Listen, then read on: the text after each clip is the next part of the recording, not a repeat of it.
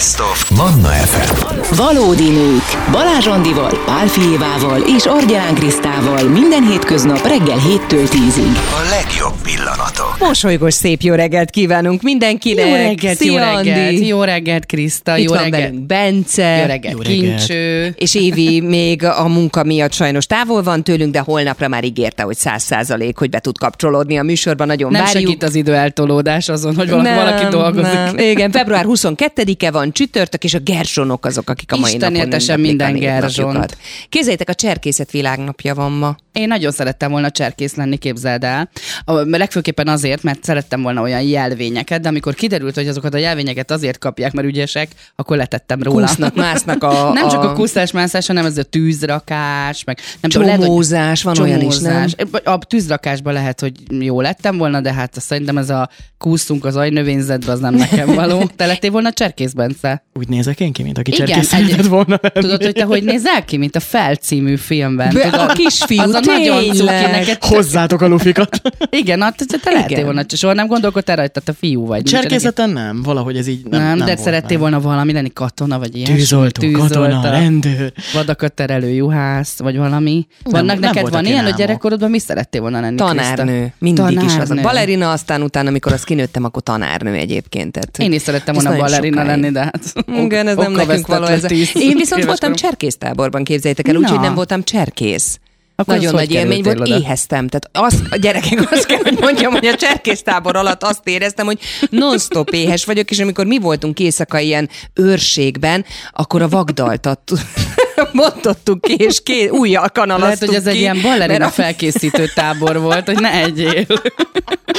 Megnézték a jelentkezési lapot, mi akar lenni balerina? Jó, enni nem kap.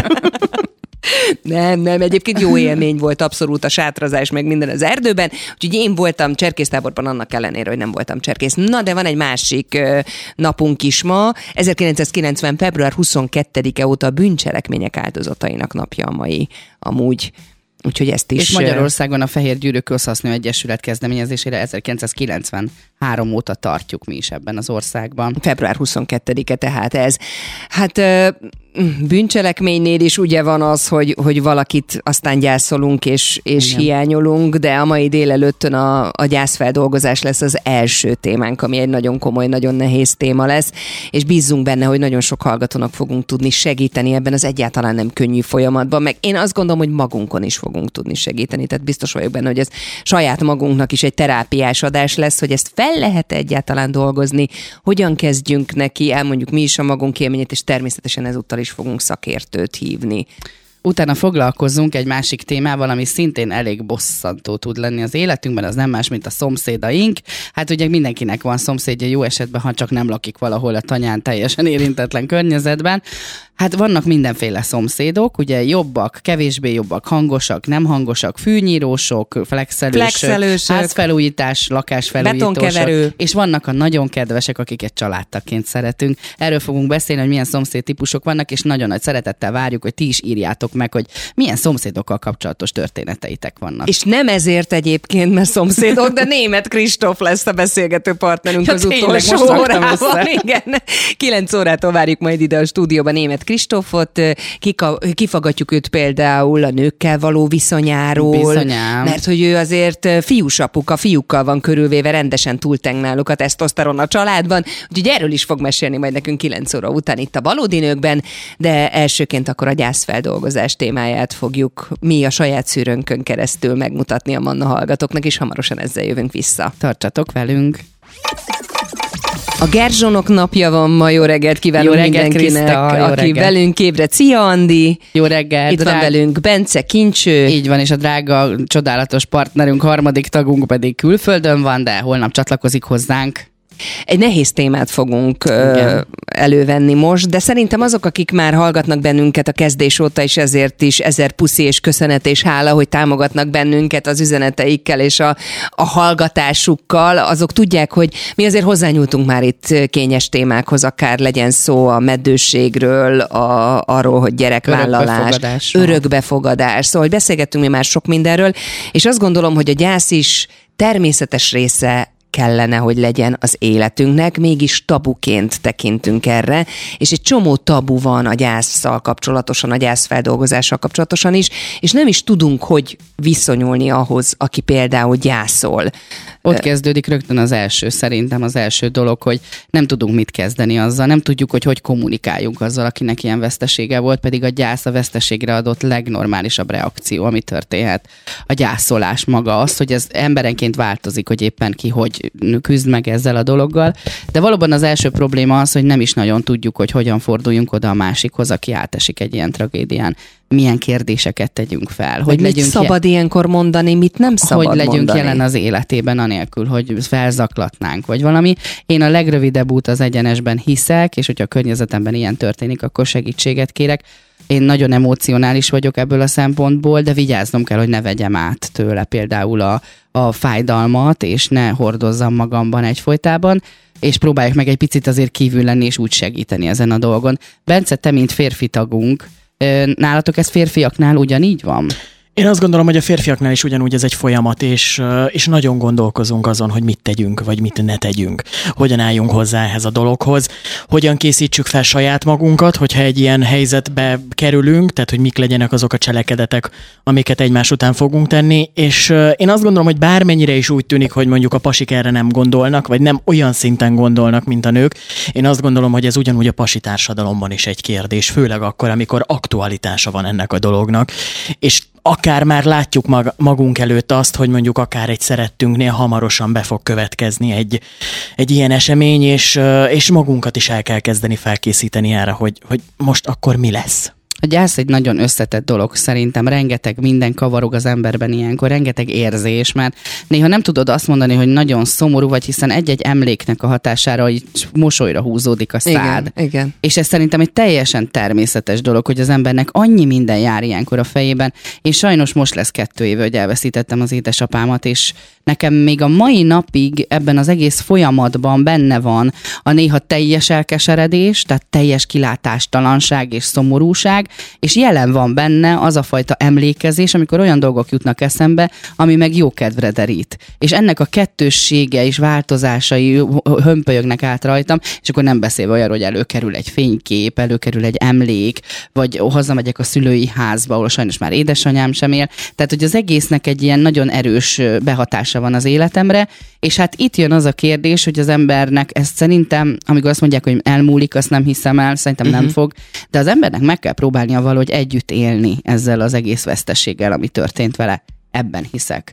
Ugye azt mondják, hogy egy év. Egy év az, amikor már egy picit csitul ez a, ez a borzasztó fájdalom, ami benned van. Nekem most lesz egy éve, hogy apukám elment, és nagyon hirtelen, tehát hogy egy teljesen váratlanul, nem egy hosszú betegség, nyilván az sem jó, de valahogy akkor föl tudod rá készíteni magadat. Tehát, hogy így, így délelőtt még a kertben tetvett, és aztán este meg jött a telefon, hogy kórház, másnap reggel pedig már a hír, hogy, hogy nem. Tehát, hogy nem is tudtam így elbúcsúzni, tehát semmi ilyesmi nem történt. És azt mondják, hogy ugye egy év kell, hogy elteljen, hogy legyen nélkül egy, egy karácsony, legyen nélkül egy, egy új év, legyen nélkül egy húsvét, legyen nélkül névnap, egy születésnap, névnap, és amikor ez letelik, akkor, akkor így azt mondják, hogy könnyebb lesz. Hát nagyon várom, hogy ez leteljen, vagy hogy ez az egy év elmúljon, de hogy nyilván nem azt várom, hogy könnyebb lesz, csak hogy tényleg az a torokszórító érzés, amit te is említettél, hogy, hogy ugye anyukámat nagyon sűrűn látogatjuk, megyünk Esztergomba, a fiúkat viszem Aikido edzésre, és akkor hétfő szerda az, az hagyományosan az volt, hogy megyünk, és akkor ott mindig volt a gyerekek kártyázás, Fekete Péter, stb. És hogy alig bírtam belépni a házba. Persze. És ugye nyilván anyukám előtt sem lehetett ezt mutatni, tehát hogy mi alapvetően is egyébként egy ilyen vidám, jókedélyű csapat vagyunk, és ezt a dolgot is próbáltuk tudtuk így, így kezelni otthon, és édesanyám sem zuhant össze, és nem volt az, hogy ő most ott egyedül volt, és akkor, akkor tényleg azt érezted, hogy depresszió, és akkor én sem akarok tovább élni, többi Pedig hát 40 valahány évig éltek egymás mellett, és szerelemben, és szerették egymást.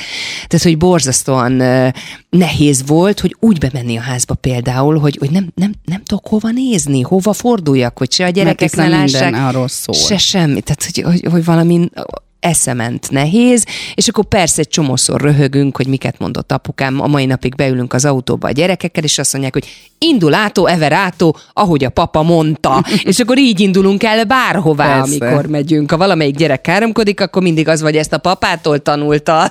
Én édesapámat mindig emlegetem az elmúlt, nem tudom mióta, csak az eszemet tudom, emlegetem őt, de tényleg egy nagy ikonom és példaképem az édesapám, és amikor ismert lettem, akkor én rengeteget kommunikáltam róla, ugye a sajtóban, a televízióban, mindig mondtam, apukám erre azt mondja, és édesapám így mondja, és apukám így, és apucim így, és nem tudom, és amikor elveszítettem őt, akkor féltem elmondani egy évig ezt nyilvánosan, hogy én őt elveszítettem. Legfőképpen azért, mert nem szerettem volna, ha valaki ítélkezik a gyászom fölött, illetve elkezdtem attól félni, hogy az emlékét valahogy így csorbítom. Azt a, ő egy nagyon fantasztikus ember volt, és fél, és érdekes módon tényleg eltelt az az egy év, amikor egyszer csak így vettem egy nagy levegőt, és azt mondtam, hogy na most elmondom. És, és azért tettem meg, hogy nyíltan tudjak róla beszélni bármikor. És hogyha itt bármikor az adásban szó lesz róla, akkor mosolyogva tudom azt mondani, hogy erre apukám azt mondaná egyébként, és talán azt hiszem, hogy egy ilyen nagyon fontos dolgot tanultam meg az én gyászomban azt, hogy mindenki másképp dolgozza. Nem mindenki mást, alapvetően ugyanúgy dolgozzuk fel a gyászt, de másképp kommunikálunk a gyászunkról, és ezért nem szabad ítéletet mondani a másik felet, hogy például az, hogy nekem van olyan barátom, akinek meghalt édesanyja, és ő nem sírt például egészen a temetésig. És Mhm. uh-huh. a furcsán nézett rá mindenki, hogy hát most halt meg az édesanyja, és hát miért nem zokog összeborulva? Azért, mert ő így gyászol. Én meg úgy gyászolok, hogy egyfolytában sírok, vagy meg, meghatódok egy-egy tárgy által, hogyha meglátom. Szerintem ez is egy fontos dolog, hogy ne ítélkezzünk a másnak a gyásza fölött. Van, aki így, van, aki úgy. Van, aki úgy, hogy rögtön visszaáll a munkába, és azt mondja, hogy én dolgozok, és, nem, és itt vagyok, és csinálom az életemet tovább. Van, aki elveszíti, ki csúszik a lába alól a talaj, de soha nem tudhatjuk, hogy ki hogy dolgozza fel. És ehhez vannak nagyon jó szakemberek, akik segítenek egyébként, és ez, egy, ez nem szégyen segítséget kérni ebből a szempontból is. Uh-huh.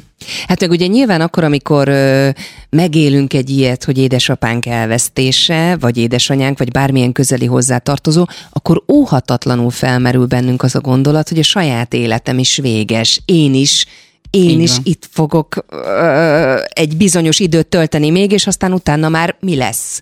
Hogy lesz? Mi, mibe tudok kapaszkodni? Tehát, hogy, hogy egy ilyen oldala is van egyébként a gyászfeldolgozásnak, amire nem lehet felkészülni. Ugye a gyerekek, amikor először találkoznak ezzel a dologgal, hogy a halál, gond, halál dologgal az életükben. Jó esetben úgy, hogy mondjuk az ők, ők szülője elveszíti a nagyszülőjét, az ők nagymamáját első körben. És akkor azt mondják, hogy ezt, ezt meg kell a gyereknek magyarázni valahogy. Én nagyon fiatal koromban találkoztam már a halállal, négy éves voltam, amikor a tesóm 7 évesen halt meg, és nekem nagyon korán meg kellett tanulnom az egésznek, az egész gyászolást. Uh-huh. Vagy hogy szépen mondjam, például kisgyerekként ez egy másik dolog. De ha akkor lett volna egy segítség, amihez nyúlhatott volna anyukám vagy apukám, akkor biztos, hogy megtették volna, hogy még könnyebben tudjam feldolgozni, vagy másképp tudjak róla beszélni. Nekem nagyon szerencsés vagyok, hogy egy olyan hivatásom van, hogy én erről tudok be kommunikálni és beszélni, ugye a színházon, színházon keresztül, darabokon keresztül, szerzők mondatain keresztül. Nem mindenki van ilyen szerencsés helyzetben, tehát meg kell keresni azt az embert, akin keresztül tudja az ember kommunikálni a fájdalmát, de akár a fiatalkorban való veszteség feldolgozására is lehet segítséget kérni. De nagyon érdekes, amit mondasz egyébként, mert én visszagondolva az én gyerkeimre, ugye amikor apukám meghalt, a nagy volt 13, a kicsi volt 4. És a kicsi, képzeljétek el, hogy ignorálta a dolgot. Uh-huh. És hónapokon keresztül nem beszélt apukámról.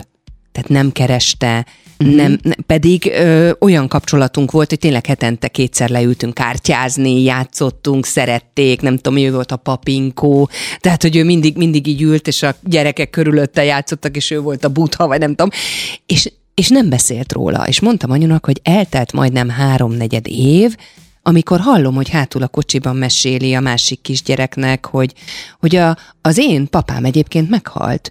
Jaj, az én mamám is fönt van egyébként, onnét néz minket. És hogy, hogy akkor kezdett el róla beszélni például, és én próbáltam ö, nyilván a maga módján elmondani, de nem kérdezett, nem hiányolta, Nem akart tudni nem akart róla a tudomást venni, és egyébként volt egy olyan tünet is abban az időszakban, hogy problémája volt például a, a kakilással. Uh-huh. Soha előtte nem volt, soha utána nem volt, akkor. Igen. Hát ez a biztos a szorongásból adódó Igen. dolog volt, de hát ez, ez kellenek, mondom, azok az emberek, mert nem tudja az ember, hogy hogy kezelje hirtelen. Hát a- ugye a régi időben ott van az a gyönyörű kosztolányi vers is, hogy ott volt a halál a gyerekek életében is, és tök természetes volt, hogy felravataloztak egy családtagot a lakásban, vagy a szobában, és hogy, hogy ez valahogy szerintem a gyerekeknek sokkal könnyebb volt. Most elmegy a kórházba, mm, és, és aztán elmegy a nagyszülő is, és ö, nincs ennek valahogy hogy meg a kultúrája, vagy a, vagy a méltósága, nem tudom, egy családon belül is, hogy hogyan kezeljük a halált mondjuk a gyerekekkel.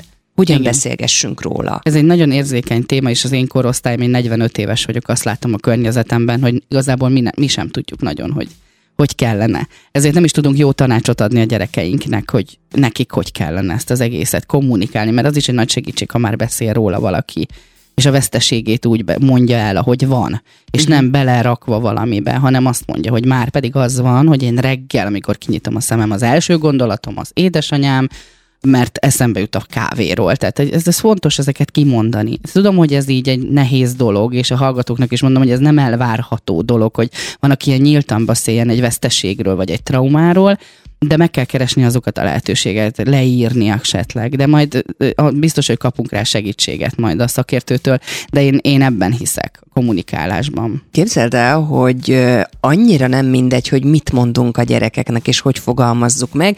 Ugye nyilván nálunk volt egy ilyen, hogy elment a papa. Uh-huh.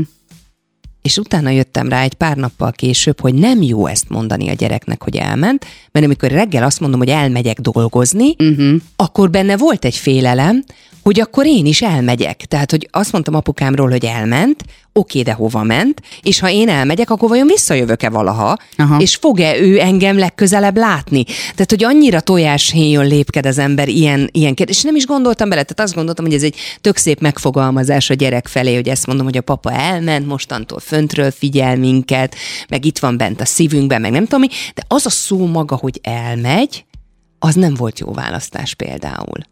Igen, hát ezek, ez, ilyenekre kell figyelnünk, és nagyon pontosan fogalmaznunk, megfelelően a megfelelő időpontban.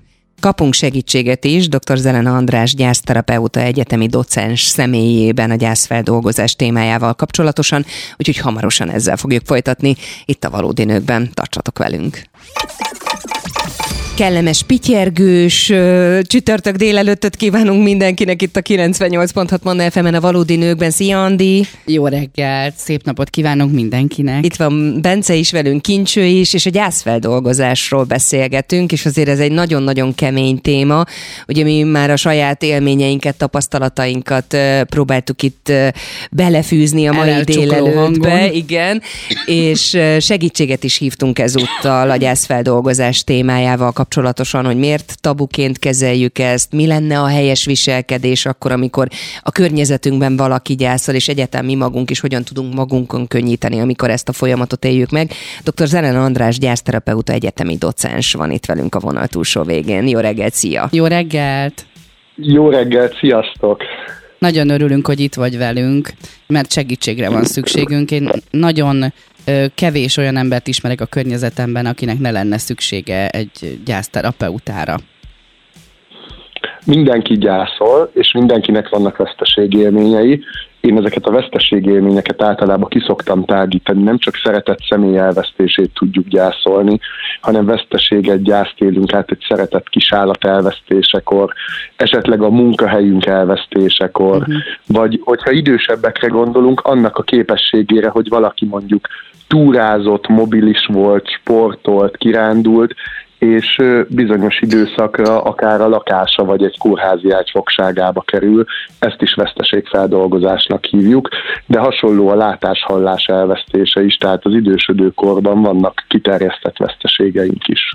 András, mennyi ideig tart a gyász feldolgozásának folyamata, legyen szó akár az ilyen típusú veszteségek feldolgozásáról, akár pedig egy szerettünk elvesztéséről? Minden esetben azt szoktam mondani, hogy attól függ, hogy milyen volt a kapcsolódási pontunk, mi volt a kapcsolat minősége. Ha valakinek azt mondom, hogy elvesztettem a szeretett nagypapámat, akkor ő azt mondja, hogy hát neki is meghalt a nagypapája, tudja, mit érzek.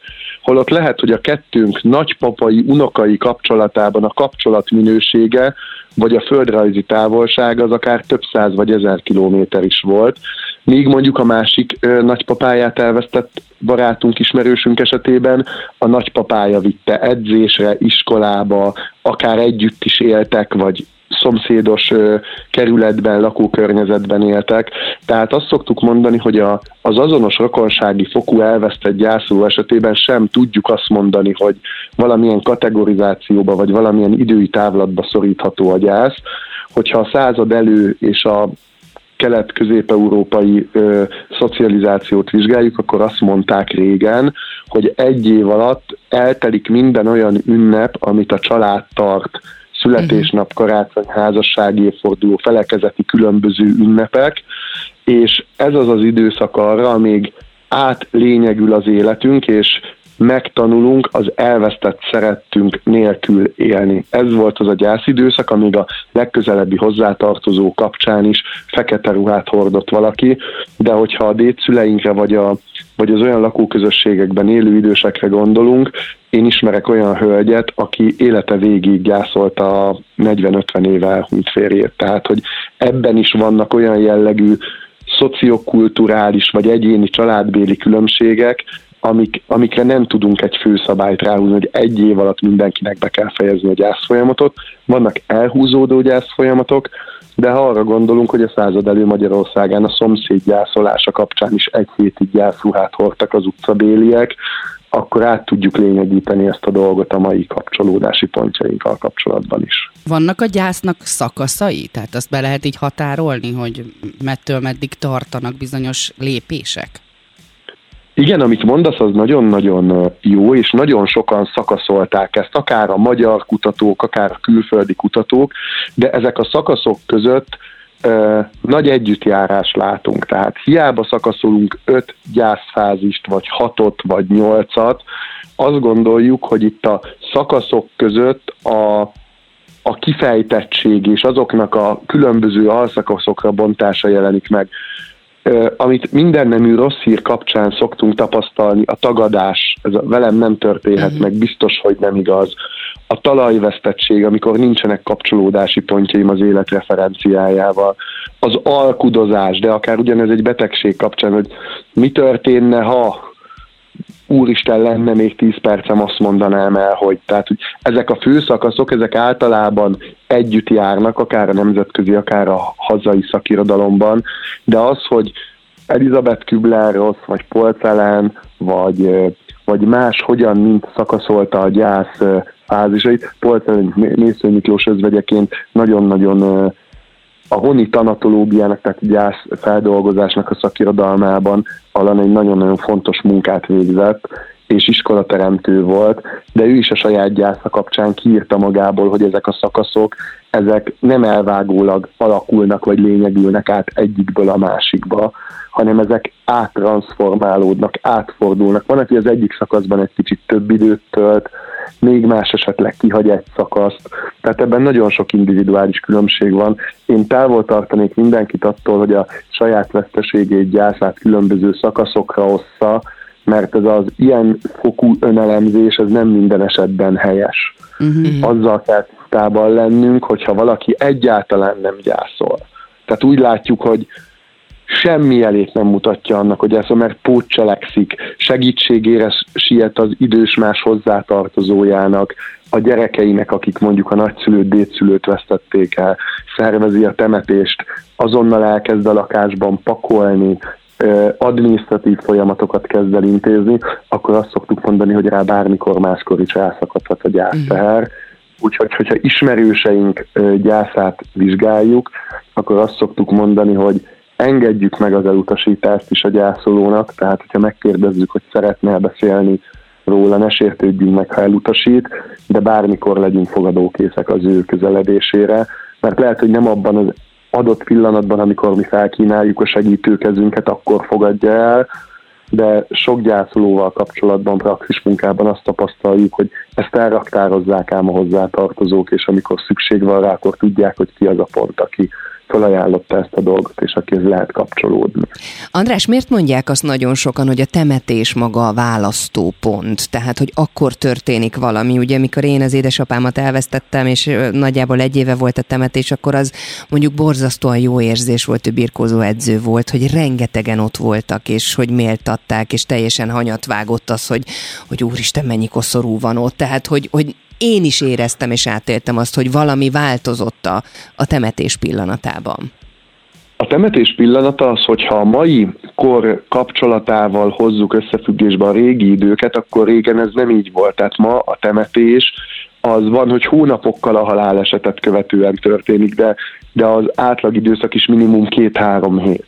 Gondoljunk bele a század elő Magyarországában, amikor, hogyha egy haláleset történt, azt legkésőbb másnap estig a temetés kapcsán meg kellett, hogy oldják egészségügyi, higiéniai és egyéb, egyéb okokból kifolyólag. Ez azért nagyon-nagyon érdekes, mert akkor ez nem így volt. Tehát abban az időszakban, amikor nagyon rapid módon kellett a, a holtesttel való bánásmód és a, a temetés végtisztesség megadását megoldani, akkor is megoldották a távoli rokonok, hogy eljöttek sürgönyre, táviratra, bármire, de ma már a temetés az egy nagyon komoly administratív feladat is a gyászolóknak. Tehát el kell menni, meg kell rendelni, a temetőbe el kell menni. Vannak olyan feladatok, amik a gyásznak a megélését nem minden esetben segítik. Tehát gondoljuk el azt, hogy valaki, aki elvesztette a hozzátartozóját, az el kell, hogy menjen a kórházba, el kell, hogy menjen egy temető, temetőbe, el kell, hogy menjen ö, temetkezési vállalkozókkal egyeztetni, pénzt fizetni, olyan dolgokat kiválasztani, ami egy átlag életet élő ember tabusít az életében. Tehát senki nem szeretne koporsót meg urnát választani. Tehát, hogy ezek nem olyan típusú dolgok, mint egy bármely más vásárlás. Éppen ezért ez az időszak általában teendőkkel telik. Telefonhívásokat kapunk, rég nem látott rokonokkal egyeztetünk, barátokkal kapcsolódunk, tehát, hogy a temetéssel viszont valami lezárul. Tehát szembesülünk azzal, hogy ennek az életnek itt valamilyen formán vége szakadt. Ha az urnát látjuk, vagy a koporsót, akkor azért, ha a temetési beszédeket, amint, mint az imént is mondtál, ha halljuk, hogy mennyien méltatták, tehát nem csak, hogy én köszönök el tőle, hanem mások is. Uh-huh. Ez egyfajta végső lezárás, és azért indul meg a temetés után egy, egy más típusú feldolgozás, mert aki a a temetésen részt vesz, lehet, hogy hozzátartozóként részesen veszem, hogy hány százan vannak, mert a saját gyászommal vagyok elfoglalva. De előbb-utóbb, amikor visszamegyek és látom, hogy milyen sok koszorú volt, úristen mennyien voltak itt, mennyien biztosítottak arról, hogy szerették a hozzátartozómat, és nekik is fáj az ő elvesztése, ez általában át, átminősíti a kapcsolódási pontot, és az a véglegesség, amit sokan nem tudunk feldolgozni a gyászsal és a halállal kapcsolatban, hogy visszafordíthatatlan, ezzel kapcsolatban merül fel sokakban a kérdés, hogy a temetés sok mindent megváltoztat. Talán ez szokott lenni az elméleti és a, a gyakorlati háttere a temetéssel kapcsolatos idő megjelölésnek. Hát nagyokat lélegzünk, és nagyokat nyelünk itt, mert mind a ketten érintettek vagyunk, és nagyon friss még a dolog. És nekem mindig az jut eszembe ilyenkor, hogy hogy tudnék segíteni valakinek, aki éppen ilyen helyzetben van. Mi a legjobb módja ennek, am- amellett, hogy segítőkezet nyújtjuk. Vannak olyan megfelelő kérdések, vagy mondatok, amik segíthetik a másikat abban, hogy feldolgozza ezt a veszteséget? Én amikor praxis munka során vagy segítő foglalkozásban bárkivel találkozom, aki gyászt élt át, az általában az első időszakban hárítja ezeket a segítő gesztusokat, és szerintem a legfontosabb, hogy ezen nem szabad, hogy megsértődjünk.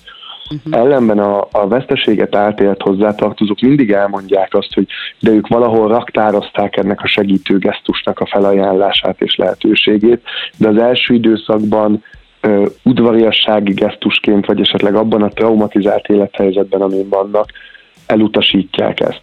Nagyon szokták szeretni a hozzátartozók az irodalomterápia lehetőségét, és most nem szakirodalmakra kell gondolni, tehát távol tőlem, hogy bárkinek szakirodalmat ajánljak, sokkal inkább azok az irodalmi alkotások, amik a veszteséggel, gyászfeldolgozással, versekkel, novellákkal kapcsolatos, ez nagyon nagy segítő gesztus tud lenni mindenkinek, aki ebben érintett, de akár, hogyha mi szeretnénk valakinek segíteni, akkor azok a nyitott kérdések, amelyel nem direkten az ő veszteségét próbáljuk verbalizálni, tehát hogy mit gondolsz róla, vagy akarsz róla beszélni, hanem inkább azokat a biztató jellegű mondatokat szeretik hallani sajnos ebben a traumatizált élethelyzetben az érintettek, hogyha segítőségre van szükségük, akkor hozzánk szeretettel fordulhatnak.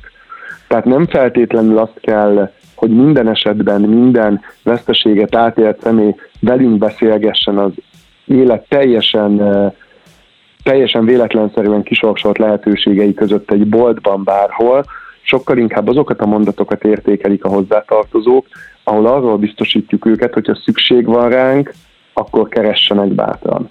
Tehát gondoljuk el azt, hogy a veszteséget átélt személy is kell, hogy menedzselje a saját életét, el kell, hogy menjen bevásárolni.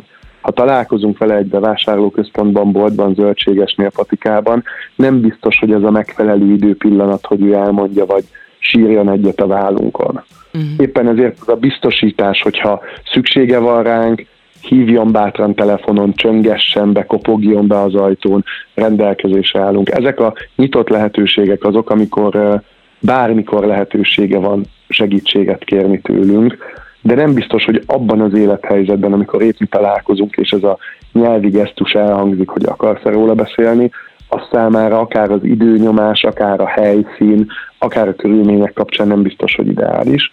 És amit még az előbb, előbb beszéltünk, az a könyveknek a, a felajánlása, hogy nekem segített uh-huh. ez a könyv, kéri esetleg segített, hogy a gondolat szívesen kölcsönadom. Ez is ugye kapcsolódási pontot jelölt, tehát sok gyászoló elmagányosodik.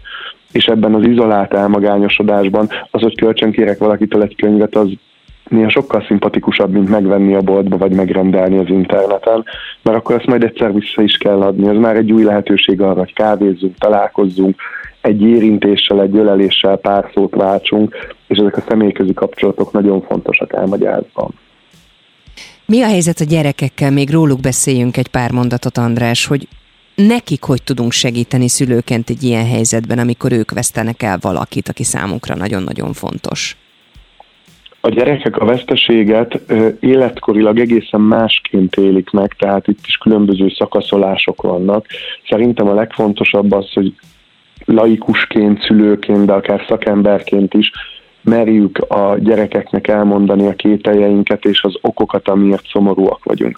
A gyerekek nagyon önreflexíven működnek. Ha látják, hogy egy számukra fontos ember elsődleges, másodlagos gondozó, szülő, bárki sír, akkor azt reflexíven próbálják. Tehát azt gondolják, hogy ez saját maguk által generált szomorúsága a szülőnek. El mhm. kell mondani, hogy a szülő miért szomorú, miért sír.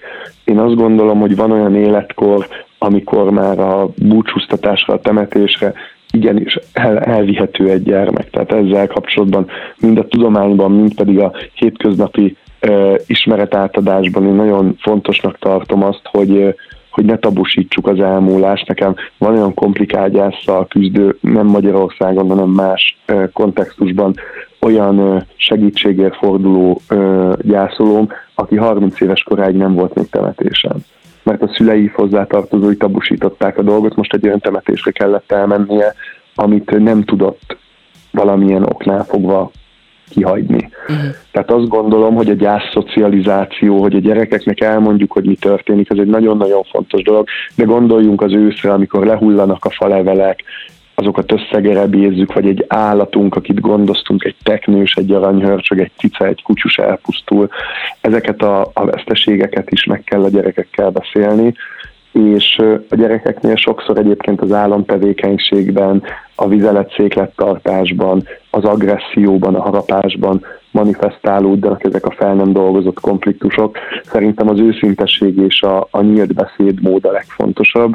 Itt felekezeti meg világnézeti hovatartozások ütközhetnek egymással, ki mit mond a gyermeknek, de az a fontos, hogy a gyerek nyelvén mondjuk el, tehát nem akadémiai előadást kell neki tartani, hanem a saját befogadási horizontjuknak, tehát az ő értelmezési tartományuknak megfelelő üzeneteket kell mondanunk, és szerintem a legfontosabb, hogy legyünk hitelesek. Legyünk hitelesek a kérdéseinkkel kapcsolatban, a saját problémájunkkal kapcsolatban, és a saját szomorúságunkkal kapcsolatban. Szerintem nincs az az életkor, amikor egy gyermek ne értené meg, hogy az apukája, anyukája valamiért szomorú, de azokat a kérdéseket, amiket ő föltesz, ha nem válaszoljuk meg az ő érettségi szintjének megfelelően, akkor ő kreálni fog magának sokkal-sokkal fájóbb válaszokat, mint, mint a valóság, és akkor a halálszorongás a szülő elvesztésével kapcsolatos álomtevékenységben, esti sötétben való féléssel kapcsolatos gesztusoknak ez, ez sajnos a melegágya tud lenni. Tehát én az őszintességet és a nyílt és a életkorának megfelelő kommunikációt tartom a legfontosabbnak. Nagyon szépen köszönjük. Nagyon szépen köszönjük, hogy Dr. itt Zelena voltál. András, gyászterapeuta, egyetemi docens volt a beszélgető partnerünk, és segített nekünk egy picikét könnyebbé tenni ezt a nagyon-nagyon nehéz helyzetet. Köszönjük szépen! Nagyon szépen köszönjük, Köszönöm szép napot! Szép napot! Üdvözöllek titeket szeretettel, sziasztok!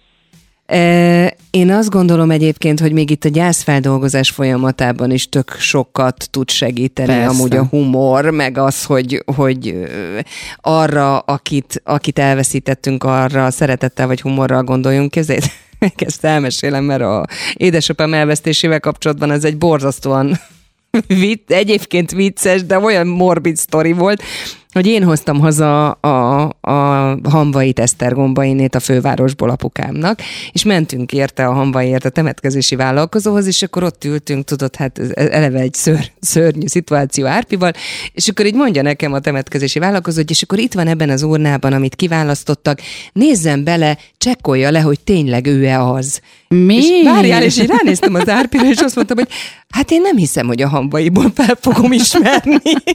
Micsoda, hogy nézzél vele? És arra gondolt, hogy nézzem meg, hogy a doboz, ami benne van az urnába, azon az ő neve Ja. szerepel mert, hogy- de hogy, hogy először így egymásra néztünk, és azt sikerült ott kinyögnem, hogy nem hiszem, hogy a hambaiból én föl fogom ismerni a mukámat. Jaj, hát így De kell. hogy rög, és úgy rögtünk egész úton hazafelé. És apukád is ő az biztos. És úgy rögött, hogy így ez, ezt tudtuk. Én akárhányszor eszembe jut apukám valami bölcsessége, de ilyen nagy bölcsességek, hogy azért van a fejed, fiam, hogy gondolkodjál, ne azért, hogy ne csúszom fel az ingnyaka, akkor ezen mindig úgy röhögök, és rájövök arra, hogy apukám is föntről biztos, hogy nevet rajtam, vagy velem. Én azt gondolom, hogy ez is egy, egy jó módszer, de hát nagyon sokat tanultunk a mai adásból. Nagyon ezt- jól esett. Jó ezt- ezekről beszélni Erről kell. beszéljünk, hogy más is van ezzel, és hogy ajánljuk fel a segítségünket, és várjuk meg, amikor ezzel élnek. Azt gondolom, hogy ez volt a, a mostani óránk legfontosabb tanulsága. Hamarosan jövünk vissza, és mondjuk, hogy a következő órában mi mindennel foglalkozunk itt a valódi nőkben. Valódi nők. Minden hétköznap reggel 7-től 10-ig a 98.6 Manna FM-en és online.